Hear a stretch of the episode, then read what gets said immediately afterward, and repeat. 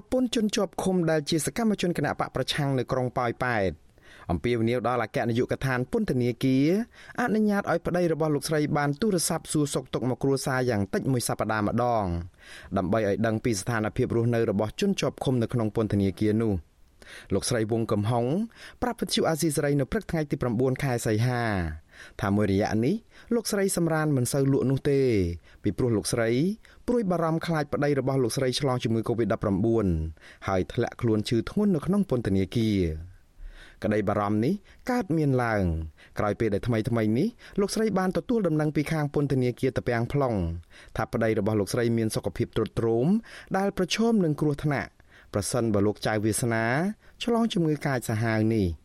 ព្រួយពិបាកចិត្តគ្មានបានដេកផងយប់ភ្លឺយប់ភ្លឺនៅឃើញវែងឆ្ងាយមិនបានជួបនិយាយបានច្រើនម៉ាត់ចឹងនិយាយថាសុខភាពគាត់រលោគាត់នៅឈឺរហូតជាងហើយគ្រួសារនេះព្រួយអារម្មណ៍ដោយសារខ្ញុំអត់បានទៅជួបមុខគាត់អត់បានទៅបានពីព្រោះយើងកូវីដចឹងណាពូហើយខ្ញុំសួរថាសុខភាពគាត់មិនបានស្រួលបួលអីគាត់ថាអត់ទេនៅតែអត់មានកម្លាំងហែងអីចឹងនេះថាយើងនៅអញ្ចឹងយូរយូរទៅអញ្ចឹងណាពូដល់យូរទៅទៅសយទៅដែរធម្មតាយើងចាស់ចឹងណាតែដល់យើងបានលុយបានកាក់ពេលនេះទៅនោះទិញថ្នាំទិញអីខ្លួនឯងចឹងទៅពីព្រោះអង្គការគេអត់បានចូលកន្លែងយើងទៀតទេ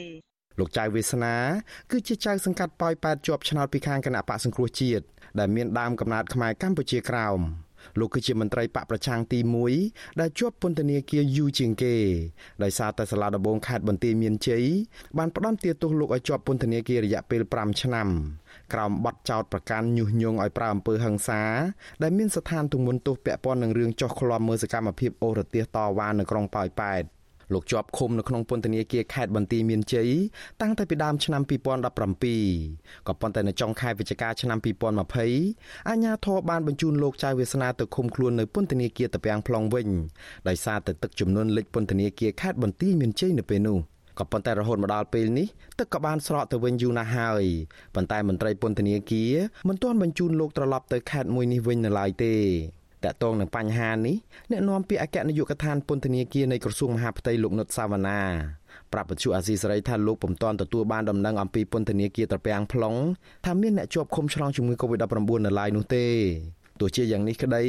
លោកអះអាងថាអំឡុងពេលផ្ទុះការរាតត្បាតនៃជំងឺ Covid-19 ខ្លាំងនេះមន្ត្រីពន្ធនាគារតែងតែយកចិត្តទុកដាក់ខ្ពស់នៅក្នុងការមើលថែសុខភាពរបស់ជនជាប់ឃុំដោយមិនអោយធ្វេសប្រហែសនោះឡើយ។ ចំណែកឯការដែលសាច់ញាតិស្នើសុំទូរស័ព្ទសួរសុខទុក្ខជនជាប់ឃុំនោះលោកនៅតែនិយាយដដែលថាអគ្គនាយកដ្ឋានពន្ធនាគារកំពុងតែតាក់ទងទៅស្ថាប័នពាក់ព័ន្ធដើម្បីធ្វើការនេះហើយយើងមិនមែនពិនិត្យមើលមួយករណីមួយករណីទេយើងពិនិត្យជារួមថាតើការអនុញ្ញាតឲ្យប្រើប្រាស់ទូរស័ព្ទហ្នឹងយើងរៀបចំរបៀបម៉េចដូចខ្ញុំបានជម្រាបពីមុនហើយយើងបានគោលការណ៍ពីទូងហើយដើម្បីរៀបចំប្រព័ន្ធទូរស័ព្ទហ្នឹងអាចល័តហ្នឹងឲ្យជិតជាប់គុំប្រើឡើងវិញ តែទៅរៀបចំប្រព័ន្ធថ្មីព្រោះប្រព័ន្ធចាស់ហ្នឹងវាមានបញ្ហាច្រើនបើទោះបីជាយ៉ាងណាប្រធានសមាគមការពារសិទ្ធិមនុស្សអាត6លោកនីសុខាមានប្រសាសន៍ថាលោកចៅវាសនាប្រឈមនឹងគ្រោះថ្នាក់ប្រសិនបើពួកគាត់ឆ្លងជំងឺ Covid-19 ដូច្នេះតុលាការគួរតែដោះលែងលោកចៅវាសនានឹងជនជាប់ឃុំដែលមានទោសស្រាលស្រាលនិងមានវ័យចំណាស់ដែលមានជំងឺប្រចាំកាយឲ្យនៅក្រៅឃុំជាបដោះអាសន្ន បន្ថែមពីនេះលោកថាមន្ត្រីពន្ធនាគារក៏គួរតែអនុញ្ញាតឲ្យជនជាប់ឃុំបានទូរស័ព្ទតាក់ទងគ្រួសារឲ្យបានញឹកញាប់ដើម្បីដឹងអំពីសុខទុក្ខរបស់ជនជាប់ឃុំនៅក្នុងមន្ទីរឃុំឃាំងនោះដែរ ពន្ធនាគារស្រុកយើងគ្រប់ពន្ធនាគារទាំងអស់គឺចង្អៀតណែនស្ទើរនឹងគ្រប់ពន្ធនាគារដូច្នេះយើងចង្អៀតណែនផងបរិយាកាសមិនសូវមានបរិយាកាសទលំទលាយផងហើយនឹងការដែលកង្វះអនាម័យកង្វះខាងសុខាភិបាលយើងនៅទុនខ្សោយផងអានេះវាជារឿងមួយដែលយើងបញ្ហាប្រឈមហើយយើងមានការព្រួយបារម្ភខ្លាំងចំពោះពន្ធនាគារនៅក្នុងស្រុកយើង របាយការណ៍របស់អគ្គនាយកដ្ឋានពន្ធនាគារឲ្យដឹងថាគិតមកត្រឹមថ្ងៃទី9ខែសីហា មានពន្ធនាគារចំនួន17កន្លែងហើយដែលមានអ្នកជាប់ឃុំឆ្លងជំងឺ Covid-19 រួមមានពន្ធនាគារខេត្តត្បូងឃ្មុំពន្ធនាគារនៅភ្នំពេញខេត្តកណ្ដាលកំពង់ស្ពឺបន្ទាយមានជ័យនិងខេត្តមួយចំនួនទៀត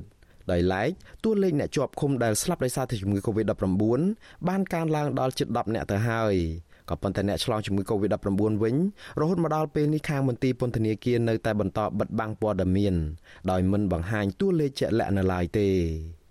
ខ្ញុំបាទមុងណារ៉េត With you Azizi Saray ប្រធានាធិបតី Washington